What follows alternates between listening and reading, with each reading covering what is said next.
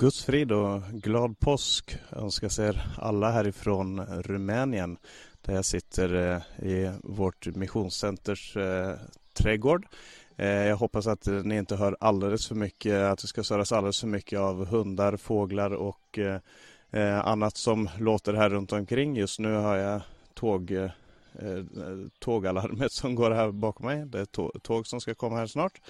Eh, men jag vill gärna dela med er några tankar ifrån Guds ord eh, och vill också framföra många hälsningar ifrån syskonen här i Rumänien. Här i Rumänien som ni kan se bakom mig så blommar redan träden. Det luktar väldigt eh, mycket vår här.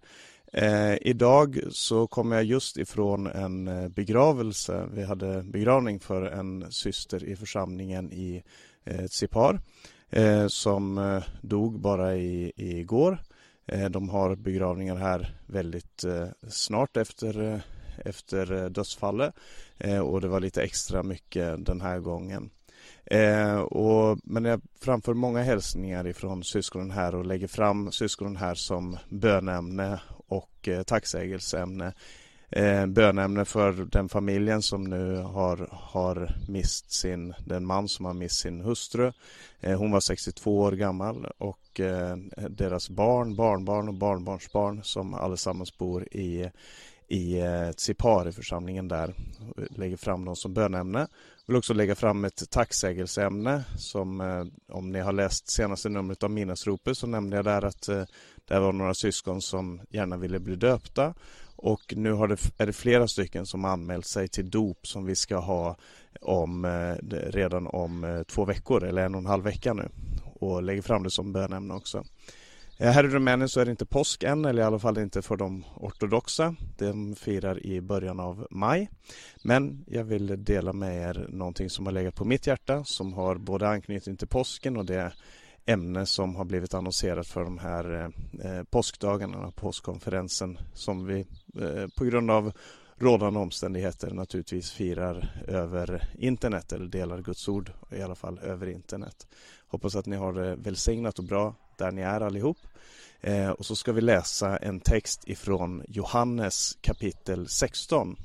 Eh, kanske egentligen eh, något av en pingstpredikan eller pingsttext för att den handlar om den heliga Ande. Men vi ska se lite på hur den här texten faktiskt talar till eh, om korset och talar om det Jesus har gjort där. Eh, I Johannes evangelium, de sista kapitlen, alltså kapitel 14 till 16, så talar Jesus mycket om den här hjälparen som ska komma, som han kallar det, eh, känns som den heliga ande, tröstaren, hjälparen, hugsvalaren, säger äldre översättningar. Och där säger han så här i det 16 kapitlets sjunde vers från den sjunde versen i Johannes evangelium kapitel 16 så läser vi Jesu namn. Men jag säger er sanningen, det är för ert bästa som jag går bort. För, att, för om jag inte går bort kommer inte hjälparen till er, men när jag går bort ska jag sända honom till er. Och när han kommer ska han överbevisa världen om synd och rättfärdighet och dom. Om synd, de tror inte på mig. Om rättfärdighet, jag går till Fadern och ni ser mig inte längre. Om dom, denna världens första är dömd. Eh, den här texten så förklarar Jesus någonting om vad den heliga ande gör på jorden. Varför han sände anden som kom på pingstdagen eh, strax efter det, det, här som Jesus talade här. Eh, vad anden gör i en människas liv och vad som är andens uppdrag på jorden. Han talar om att anden ska överbevisa världen i fråga om synd, rättfärdighet och dom.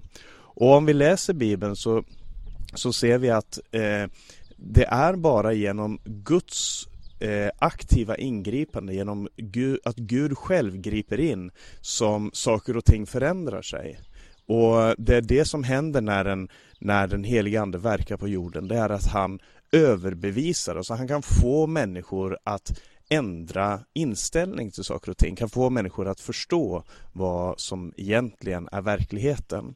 Och vad är det då en, den heliga Ande gör i en människas liv? Ja, här talar han om överbevisande om synd, alltså att vi själva är syndiga.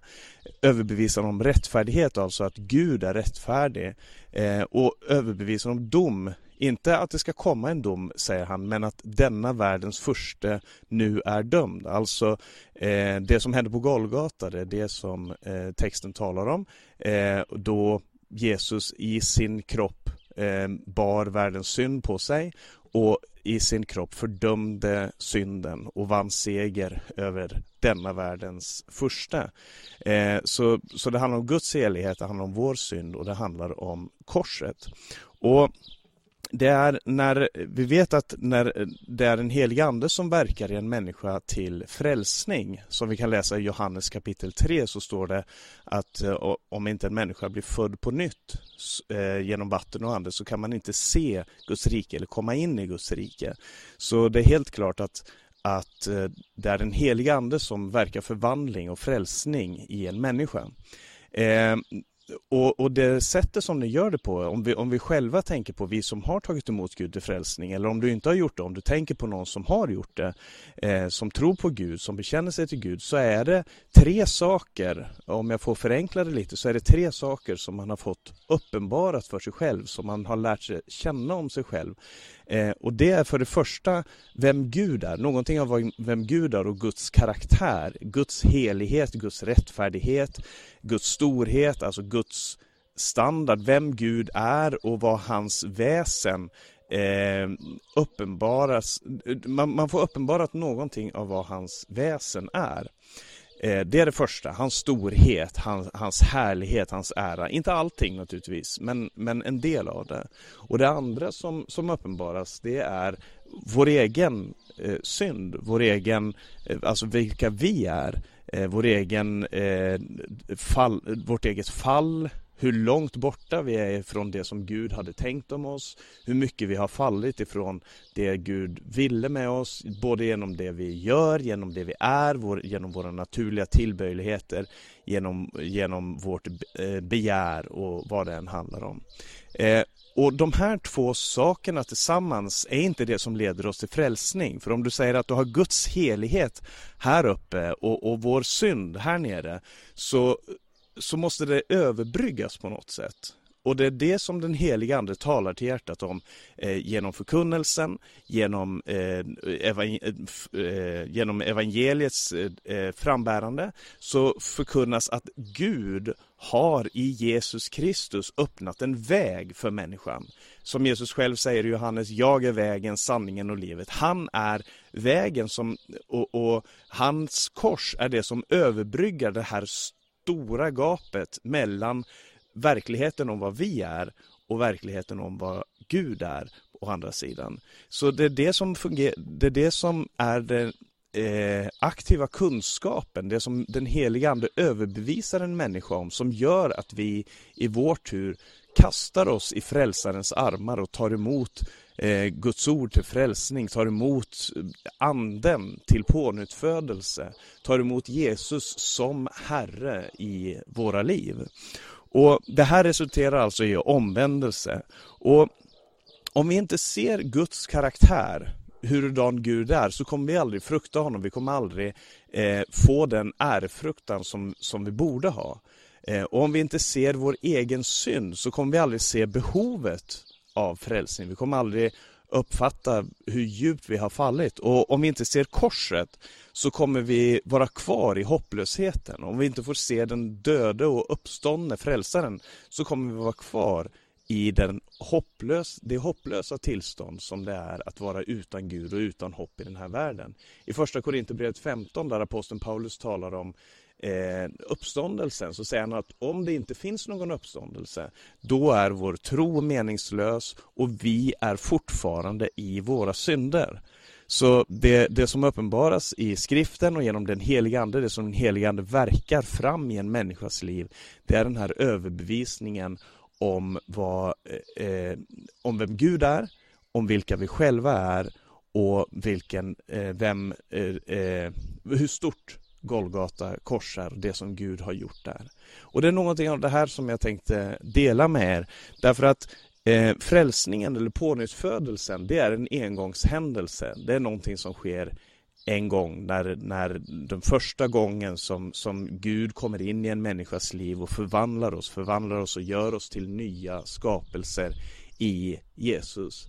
Men det är inte slutet. Det är inte det mål, det är inte målet för det som den heliga ande verkar i en människas liv. Det är begynnelsen, det är början på det, men det är absolut inte målet. Och därför så eh, fortsätter den här texten och talar om att anden, den heliga ande, Gud i oss om du vill, eh, leder till frälsning men leder också till eh, helgelse. Och det här, det här står om, du, om man fortsätter att läsa den här texten i eh, Johannes kapitel 16. Vi läste fram till vers eh, 11. Denna världens första är nu dömd. Men om man fortsätter att läsa så står det från vers eh, 13. Men när han kommer, sanningens ande, då ska han leda er in i hela sanningen. Han ska inte tala av sig själv, utan bara tala det han hör och han ska förkunna för er vad som kommer att ske. Han ska förhärliga mig, för han ska ta av det som är mitt och förkunna för er. Allt som Fadern har är mitt. Därför sa jag att han ska ta av det som är mitt och förkunna för er. Och här, här uppenbarar Jesus att eh, den heliga Ande är en pågående eh, inneboende kraft och en pågående inneboende person i oss som verkar fram hela sanningen. Han ska leda er in i hela sanningen. Leda er in, det, det säger att det är en process. Hela sanningen, det, det säger att han, han fungerar för att, för att eh, leda oss in i verkligheten, för att tala om oss vad som är sant, vad som är verkligt. Och när han säger han ska förhärliga mig så handlar det om att han ger oss information om vem Gud är. Och när jag säger information, det låter som att det skulle handla om en bok eller en, eller en kunskap som man, man får tag i genom akademiska studier eller någonting annat. Det är inte det det handlar om, även om, även om eh, ska komma tillbaka till hur den heliga Ande verkar i en människas liv. Eh, men, men det handlar framförallt om en överbevisning, att lära känna Gud så som han verkligen är. Och eh, den heliga Ande talar om Jesus, förhärligar Jesus för den troendes hjärta, för, i en troende människas liv. Så till den grad att man blir, för att använda ett enkelt uttryck, förälskad. Att man börjar älska, att man börjar prisa, tacka tacka och ära Gud och verkligen älska vem han är och vad han har gjort. Jag tänker på berättelsen, den kända berättelsen ifrån Gamla Testamentet där, där eh, det står om eh, Abraham och hans son Isak. När Abraham ville ha tagen, ville få en, en brud till sin son eh, det låter märkligt för oss i våra moderna tider men läs en historiebok så, så blir det nog klart vad det här handlar om. Han, han vill förbereda och ge en brud åt sin son. Eh, så han sände sin tjänare ut till ett, till ett eh, eh, land långt borta och sa att han skulle där finna en, en brud åt hans son. Och där finner den här tjänaren som antagligen är densamme som på andra ställen i Bibeln kallas för, för Eliezer. Han finner där en, en kvinna, Rebecka. Och han frågar henne, vill du följa med och möta Isak? Vill du bli hans brud? Och han ger gåvor till Rebecka, han berättar om Isak, han beskriver honom så levande för henne att hon faktiskt säger, inte bara säger ja, hon följer med honom. Hon eh, följer med honom för att möta Isak och när hon ser honom, Bibeln beskriver det som att när hon ser honom på långt avstånd, hon ser en man långt, långt borta, när de har varit på resa i många dagar, så ser hon en man långt borta och så frågar hon Eliezer, är det den mannen? Och Eliezer svarar ja, det är Isak. Det är intressant att hon, hon lär sig så mycket om honom tydligen både utseendemässigt och på alla sätt att hon kan se en man långt, långt borta. Det måste vara han. Hon lärde känna honom utan att ha träffat honom. Och Bibeln säger någonting liknande om vårt förhållande till Kristus. Den säger att honom älskar ni utan att ha sett honom. Och hur gör vi det? Jo, därigenom att den helige Ande förhärligar honom i vårt liv. Så det handlar om en, om en utveckling där vi får lära oss mer och mer och mer om vem Gud är, vad Gud förmår. Eh, vi vi får, får lära oss mer om hans helighet, om hans storhet, om hans eh, fantastiska väsen. Det är vad vandringen tillsammans med den heliga Ande gör i ett människas liv. Vi lär oss mer av vem Gud är. Det är ett pågående verk som gör Gud eh, stor. Eh, här i det här området där vi bor här i Rumänien, det heter, eh, staden heter Arad och hela det här området är en stor slätt som går in i, i Ungern och runt omkring här. Det, det är helt platt eh, runt där vi bor. Det heter Ardeal. Eh, och det, det, är en dal eller en, en stor, stor slätt. Tänk Skåne. Eh, det, det, är otroligt stort här och det är platt det, det, härifrån 10 mil norrut så, så, är det inte större skillnad än, än, så här. Det är väldigt, väldigt platt här i landet. Men, och det är så platt att om jag vänder mig om här, nu är det vissa hus i vägen, men om jag skulle kika åt det hållet här så, så ser jag bergen. Jag ser början på, på eh, Karpaterna. Eh, och det ser väldigt litet ut härifrån men på en, på en klar dag och, och, om jag kommer med upp bara över hustaken här eller går ut på ett fält så ser jag bergen eh, i den här riktningen. Och de ser små ut. Det är bara små krusningar på, på horisonten. Men jag vet därför att jag har rest dit att eh, Karpaterna är otroligt mäktiga stora berg som, som går genom flera länder och som är eh, i, här i, i Rumänien så tar den en stor kurva där den, eh, eh, och, och, man kan åka upp i de här bergen, Transfagarash. Det är otroligt vackert. Jag får eh, göra lite reklam för Rumänien eh, och rekommendera er när coronan är slut, ta gärna resan hit. Kom och se missionsarbetet, kom och se landet. Det är väldigt vackert, väldigt fantastiskt att se här. Men det var inte det jag skulle säga.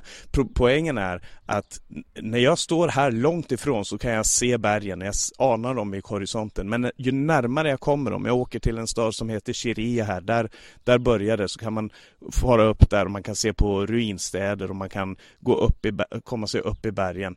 Och då helt plötsligt så upptäcker man hur höga de är hur stora de är, hur, hur mäktiga och, och vackra och, och eh, de, de framkallar en känsla av, av eh, ja, respekt i en människa. Och något av detsamma upplever man ju närmare man kommer Gud. Ju närmare man, man får träda fram inför Gud så upplever man att det är inte det att Gud blir större, men Gud eh, uppenbara som större för en själv. Man får uppleva mer och mer. Ju längre man vandrar med Gud, ju större och större blir Gud för den som har den heliga Ande, som, som har tagit emot honom till frälsning och som har en personlig relation där man kommer närmare Gud i alla ting.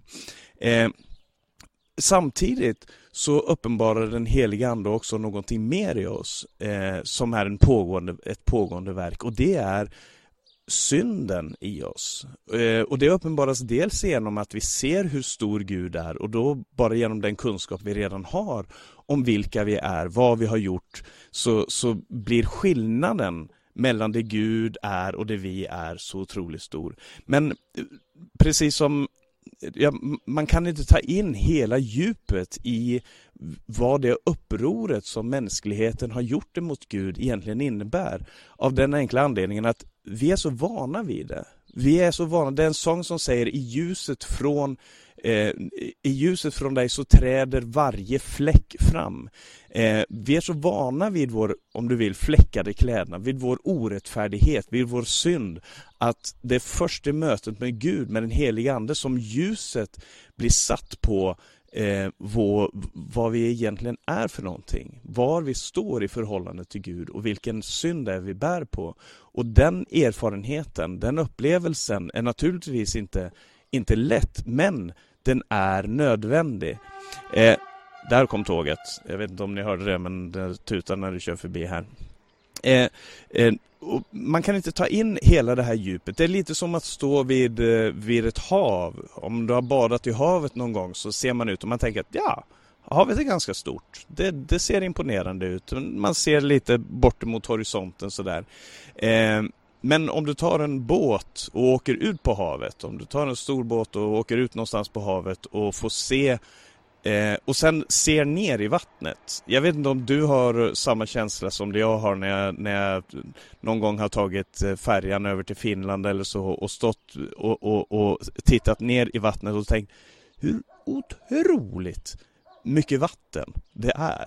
Och då har jag ännu inte varit ute på de stora haven eh, annat än att jag har flugit över dem. Men hur otroligt stort vattnet är. Man, vart man än tittar så är det vatten. När man tittar ner så är det, det är så otroligt mycket vatten. Det man, när man stod på stranden tänkte att ja, det är väl ganska stort. Det blir nästan eh, omöjligt att ta in över sig hur stort det är. Eh, och det är ju de här, de här tingen som, som skapar eh, som visar hur liten man är. Det är ju dels när man tittar uppåt och ser på himlen och ser stjärnorna och ser eh, eh, sol och måne och, och, och de här himlakropparna som, som vi vet är så långt borta, som vi vet är så stora. Det, det gör att man känner sig liten. Eller om man tittar neråt och ser vattnet och ser dess som, som övertäcker djupen, för att använda ett bibliskt uttryck. Det är helt fascinerande får jag säga och jag hoppas att du också tycker det. Men någonting av detsamma tror jag att den heliga Ande verkar i en människas liv. Och hade jag haft en whiteboardtavla här så kunde jag ha tecknat det här. Men jag tror att det handlar om en utveckling från en viss förståelse av Guds helighet och människans synd mot en större och större och större förståelse av dessa tingen som går igenom en människas liv om man har en närhet till Kristus, om man har den här längtan efter att vara nära honom i alla ting, så kommer man att få se mer av vem han är, mer av vad man själv är. I, eh, och, och, sättet som den heliga Ande gör det här på, det är genom eh, mötet med Gud, kanske framför allt i skriften. I Hebreerbrevet kapitel 4 så, så står det så här, de, de välkända verser här, ska finna fram dem. I Hebreerbrevets fjärde kapitel och den tolfte versen så står det Guds ord är levande och verksamt. Det är skarpare än något tvegat svärd och genomtränger tills det skiljer själ och ande, led och märg och det dömer över hjärtats uppsåt och tankar. Intet skapat, inget skapat är dolt för honom. Eh, Bibeln, beskri Bibeln beskriver i Efesierbrevet 6, ni får ursäkta att det kommer lite norska ord här och där.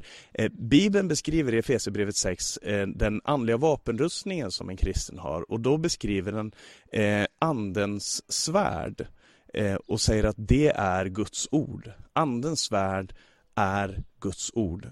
Och det är, det är ett speciellt påstående för att eh, den heliga Ande kan naturligtvis använda väldigt många olika vapen om du vill för att för att överbevisa oss om, om synd, rättfärdighet och dom. Men, men vi kan tala om samvetet eh, som, som ett andensvapen. Vi kan tala om naturen eh, som, som ett sätt för anden att uppenbara för människor eh, vem Gud är. Hans osynliga väsen, som det står om i Romarbrevet 1, är uppenbarat genom det verk som han har skapat. Och alla de här sakerna uppenbarar någonting av vad Gud är. Men i ordet i, så, så, är det inte bara en, om du vill, en knölpåk. Det är inte ett trubbigt vapen. Det är ett skarpt, tveeggat svärd som tränger igenom åtskilligt och som dömer eh, hjärtats uppsåt och tankar. Och eh, så, så anden uppenbarar djupet i vår egen synd. Inte för att krossa oss, utan för att eh, förvandla oss och eh, visa oss storheten i det Kristus har gjort. Det är någonting av det som aposteln Paulus själv fick uppleva när han talar i första Timoteus, jag ska läsa det, den versen här också, i första Timoteus brev, första kapitel, där han skriver till sin eh, yngre vän eh, Timoteus och han talar om sitt eget liv och vad han själv hade varit igenom. Och så här står det i första Timoteus kapitel 1 och från den tolfte versen. Jag tackar honom som har gett mig kraft, Kristus Jesus vår Herre, för att han ansåg mig värd förtroende och tog mig i sin tjänst. Jag som förr var en hädare, förföljare och våldsman. Men jag mötte barmhärtighet därför att jag i min otro inte visste vad jag gjorde. Vår Herres nåd överflödade med tro och kärlek i Kristus Jesus. Det är ett ord att lita på och värt att tas emot av alla, att Kristus Jesus kom till världen för att frälsa syndare och bland dem är jag den störste. Det är hans påstående. Bland dem, säger eh, aposteln, är jag den störste. Han hade sett eh, avgrunden i sig själv. Om ni tillåter så ska jag vilja citera en, en sång som vi har på norska. Den kommer ifrån tyska men den är skriven på 1700-talet av eh, Johan Ludwig Konrad Allendorf. 1712 skrev han sången Jesus din söte förening och smake. Och där står det så här eh, och jag tycker den här versen, läs gärna hela sången för den, den har varit en inspiration för mig när jag har tänkt på de här sakerna och förberett den här predikan. Eh, Jesus, din söte förening och smake, länges och tränges mitt hjärte och sin. Riv mig för allt det som håller tillbaka. Dra mig i dig, min begynnelse in.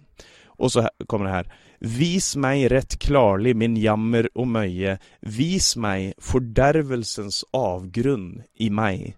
Att sig naturen till döden kan böja, om den alene må leve för dig. Jag vet inte hur, hur eh, bra du är på att förstå norska, men lägg märke till just den här, det här uttrycket eh, Vis mig fördärvelsens avgrund i mig.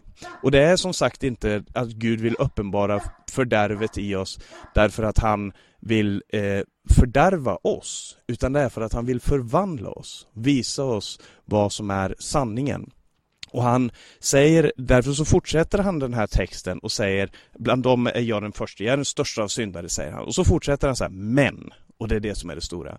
Men jag mötte barmhärtighet för att Kristus Jesus skulle få visa hela sitt tålamod först mot mig som en förebild för dem som ska komma till tro på honom och få evigt liv.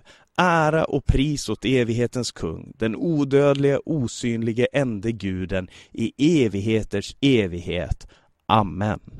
Och vi får säga amen till det. För det, det han säger här är, men jag mötte Eh, barmhärtighet. Och det är det som är så stort, för att när, när vi förminskar eh, vår egen synd, då förminskar vi också den barmhärtighet som vi möter i Jesus Kristus. När vi förminskar vem Gud är, så förminskar vi också den barmhärtighet som är i Jesus Kristus. Han, säger, han förminskar inte sin egen synd, han, han försöker inte dölja den, han berättar precis vad han har gjort, vem han är. Han försöker inte dölja någonting av sin egen synd, han försöker inte dölja någonting av eh, vad han har gjort. Han försöker heller inte förminska Guds natur och säga att ja, men eh, Gud är okej okay med sånt. Gud tycker att det, det går bra. Nej, han, han visar den här stora, stora skillnaden, den här enorma den här enorma dalen, den här enorma klyftan som är mellan det han själv var, det han själv var och det som Gud var. Och, och så säger han, men jag fick barmhärtighet, jag fick uppleva nåd. Eh, och det är det som är det stora i, i korset. För fokuset, fokuset på synd, det är inte målet. Eh, fokuset är, eh, fokuset ska vara på det som Kristus gjorde för oss. Eh, när han säger att han ska leda oss in i hela sanningen så handlar det om att få uppenbarat vem Kristus är. Aposteln Paulus säger till församlingen i, i eh, Galatien, eller församlingarna i Galatien, så säger han att eh, ni som fick Kristus målad för er, alltså att Kristus blev målad för dem. Det är predikantens uppgift. Det är förkunnelsens uppgift. Det är, den, det är det den heliga Ande önskar att göra i en, i en människas liv. Vem det än handlar om. I vilken situation, i vilken historisk kontext, i vilken social, politisk, ekonomisk, vilken som helst kontext så handlar det om detta. Att få uppenbarat för sig vem Kristus är och vad Kristus har gjort för en människa. Och, och det är när vi, när vi ser den här stora skillnaden mellan Guds helighet och vår synd, det är då som korset kommer in och blir så enormt stort. Det blir förstorat i våra liv. Och jag upplever det själv när jag, när jag möter Gud i hans ord, när jag möter Gud, eh, framförallt när jag tänker på, betraktar eh, och, och eh, fascineras av Jesu Kristi kors så är det just det här hur otroligt, otroligt stor barmhärtighet som finns där. För att alla Guds attribut, vad Gud än är, så möts alla hans attribut, alla hans personlighetsdrag, för att använda ett enklare ord, möts vid korset. Där ser vi hans kärlek, vi ser hans helighet, vi ser hans renhet, vi ser hans allsmakt, vi ser hans, hans tålamod, hans visdom, hans kunskap och inte minst hans skönhet. För I världen så var det ingenting skönt vid det, det korset där Jesus stod. Men för den som har fått den helige Ande, har blivit förvandlad av, av Guds kraft genom den helige Ande, så är det det, det absolut vackraste det absolut mest fantastiska. Jag såg en satirteckning för någon vecka sedan här där det var en, en eh, präst eller predikant som skulle visa några barn eh, ett krucifix och så visar han det här krucifixet och så säger han ja den här mannen här som är eh, torterad, slagen, blodig och, och eh, spikad fast på ett kors. Det är vad vi menar är den, eh, det största symbolen för kärlek, hopp och, och eh, eh, nåd och barmhärtighet. Och det var menat som en, som en satir över kristendom för att korset, det som hände där, det är väl ingenting vackert. Det är väl ing... Jag tyckte de var helt fantastiskt. Jag tänkte det här, det här är någonting som man kan predika om, absolut. Korset är för den som har fått uppleva den heliga Ande, för den som har fått se vad den, vad det faktiskt handlar om. Det är det där Guds alla, alla Guds attribut, allt vad han är, det möts där vid Golgata kors. Och det är det som är så fantastiskt, att vi blir fria i Kristus. Fria ifrån den här synden som drar oss ner, synden som, som finns i oss, eh, synden som, som vill förstöra vår relation till Gud och vår relation till andra människor, som som vill verka det som är destruktivt i en människas liv.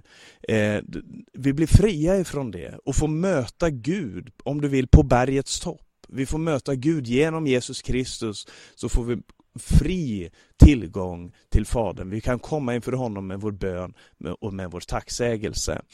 Och eh, jag skulle vilja läsa en vers i Andra Korinthierbrevet kapitel 4. Vi läser den här texten just nu i, i församlingen i ett Eh, och i Andra, i andra Korinthierbrevet kapitel 4 så står det i den sjätte versen så här. Eh, Gud som sa ljus ska lysa ur mörkret, han har lyst upp våra hjärtan för att kunskapen om Guds härlighet som strålar från Kristi ansikte ska sprida sitt ljus. Tänk på den här versen. Det här, det här är värt att, att ta en, en promenad och tänka över den här versen. Guds härlighet uppenbaras i den korsfästes ansikte.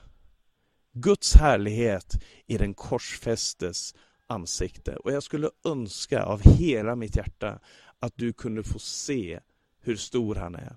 För att citera en annan sång som broder Hans Lindelöf har, har skrivit. O Jesus, om jag kunde nämna ditt namn så att alla här förstod att öppna sitt hjärta för den glädje som är evig och sann. Det är verkligen en längtan och det är det, det är det man skulle vilja för alla människor. Det är det vi önskar för alla människor här i Rumänien när vi vittnar, förkunnar bland, i de fattiga områdena här i Norge, i Sverige, vart vi än är någonstans. Att människor kunde få se hur dyrbar han är. Att de fick se hans helighet, att man fick se sin egen synd. Inte till, till fördärv, till förtvivlan och så vidare, men för att se hur stort korset är. Och att man fick, ska jag se, nu undrar jag om, nej, det gick bra. Jag fick några tekniska problem här. Eh, men eh, så målet är att vi ska ära Gud genom att bära hans karaktär. Som det står i, i Andra Korinthierbrevet kapitel 3, om jag får läsa en vers till här i det tredje kapitlet, så står det så här i den eh, artonde versen. Och alla vi som med obeslöjat ansikte ser Herrens härlighet som i en spegel, vi ser det inte klart, men vi ser det som i en spegel. Vi förvandlas till en och samma bild, från härlighet till härlighet. Det sker genom Herren, Anden.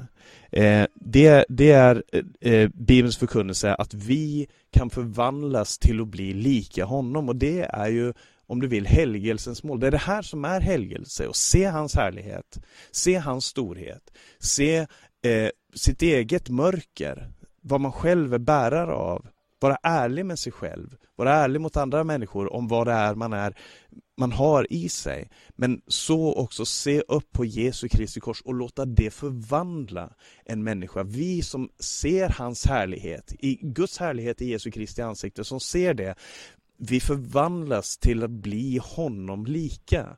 Det är det som är evangeliets förvandlande kraft och det är det som den heliga Ande verkar i en människa. Det som vi aldrig kan klara av för att vi kan inte lyfta oss själva i kragen. Vi behöver Golgata kors. Vi behöver den heliga Ande. Vi behöver allt det här. Och vår natur, för att, för att eh, använda ett eh, väldigt omodernt uttryck, självaste djävulen motarbetar allt det här, motarbetar Andens verk, vår, vår syndiga natur och, och det som djävulen representerar, det mörkret, det, det motarbetar det här. Det vill göra Kristi kors mindre med, på alla sätt. Antingen genom att säga till oss att din synd är inte så allvarlig, det är inte så farligt. Eller eh, försvara den, förminska synden, säga att ja, men det andra gör samma sak. Eller genom att göra Kristus mindre genom att eh, placera oss själva som vår, som vår frälsare genom moraliskt beteende, genom att vi tycker att vi är ganska goda människor eller genom att vi inte förstår vem Gud är, att vi inte förstår hans helighet genom att göra honom mindre. Så eh, eh, vår natur den, den dras emot detta genom, på grund av att det finns en härskare i den här världen som vill göra Gud mindre, vill göra vår synd mindre och vill därigenom göra korset mindre. Så det vi behöver, om jag får avsluta med det här, ska jag strax avsluta. Eh, så det vi behöver, det är en biblisk teologi, alltså förkunnelsen om Gud, veta vem Gud är. Eh, vi behöver en biblisk antropologi, alltså förståelse av vilka vi själva är. Och så behöver vi en biblisk soteriologi som betyder frälsning, som handlar om vad det är Gud har åstadkommit i Jesus Kristus. Eh, och, och det sker, alla de här tingen sker genom att vi kommer närmare Gud. När vi kommer närmare Gud i bön, Eh, där vi kan tala med Gud, där vi kan få uppleva att han svarar, där vi kan få eh, erfarenheter av hans välja kraft, av hans kärlek, hans omsorg och hans tröst. Det sker genom gemenskapen, när vi, när vi söker oss till syskonen, för att var och en av oss är bärare av den heliga Ande och i gemenskapen så kan vi hjälpa varandra att växa i Kristus. Du kan se någonting hos mig som behöver förändras, jag kan se någonting hos dig som jag kan få hjälp av och, och tillsammans, det är så Gud har tänkt det, så ska vi fungera för att eh, eh upphöja honom, för att prisa honom. Och genom att vi eh, läser Guds ord, det är också naturligtvis det som jag har talat om flera gånger, det är Andens värld. Det är att ta sin bibel och öppna den och, och ta in den, det som bibeln undervisar om vilka vi är, vem Gud är och hur stort och fantastiskt korset är. Se till att du har en, en personligt förhållande till Guds ord så att du får, får vara med om den här förvandlande kraften som det innebär. Eh, och sen naturligtvis att söka och bli mer lik Kristus. Var, I varje situation söka hans vilja, i varje situation söka eh, hans karaktär och bli mer lik honom. Eh, och skapa det och låta den helige Ande verka fram det här i oss. Att vi ska förvandlas till samma bild. Så att vi känner en större sorg över den synden som vi bär på. Men också en otroligt mycket större glädje i Gud. Och har jag sagt det en gång så, har jag sagt så, så vill jag säga det, och har jag sagt det hundra gånger förr så vill jag säga det ännu en gång. Att målet är att vi ska ära Gud. Det är, det är den heliga Andes mål i en människas liv. Att vi ska se hans härlighet, att vi ska se vår synd, att vi ska se korset rest som mellan himmel och jord. Som, som, eh, som en eh, Guds, eh, som ett livets träd som springer fram ur jorden och som gör att himlen och jorden kan mötas. Och att vi därigenom ska tacka Gud ska prisa Gud, ska ära honom för det han är, ska glädja oss i honom för att han är mest förhärligad i oss när vi gläder oss mest i honom. När han blir, när han blir stor för oss eh, då, och, och, och, vi gläder oss, vi finner vår glädje i honom. När vi finner vår glädje i gemenskap med honom, genom bön, bibelläsning, genom att, eh, ett uppoffrande liv, genom att visa den kärlek till andra som Jesus visade till oss. I alla de tingen så, så blir Gud förhärligad genom en kristen livsstil, genom att vi går ut och förkunnar evangeliet om honom vart vi än går. Och jag vet att jag inte har sagt någonting revolutionerande och nytt här. Det här är saker som ligger på mitt hjärta som, som jag hoppas att du också kan finna en glädje i. Som jag hoppas att du efter den här påsken också ska kunna ta med dig in i din vardag eh, och, och öppna dig för den heliga Andes verk i ditt liv. Be den heliga Ande, be Gud om att uppenbara mer för dig av vem han är, hans storhet, hans godhet. Eh, uppenbara, och det är smärtsamt, det är fruktansvärt smärtsamt att säga till Gud, Gud uppenbara för mig avgrundens mörker i mig. Det, det, är den svåraste bönen. Jag vill helst gå till Fader vår, förlåt mig mina synder och så är vi färdiga. Eh, men visa mig Gud vad det är jag ber om förlåtelse för. Visa mig Gud vad det, vad det är för någonting, var jag har, har gjort uppror emot dig, var jag har skadat mina syskon, var jag har eh, betett mig på ett sätt som, ett, som eh, en vilddjursande som, som djävulen verkligen är i en människas liv. När han får kontrollera så blir vi vilddjur. Men Gud önskar att göra oss, skapa oss efter sin sons bild. Han som var lammet som blev slaktat, som var tyst inför de som, som, eh, som plågade honom. Och det här önskar jag för dig och för mig den här påsken. Att vi ska få uppleva den här friheten i Kristus som det är att få vara nära honom, komma nära honom i alla ting.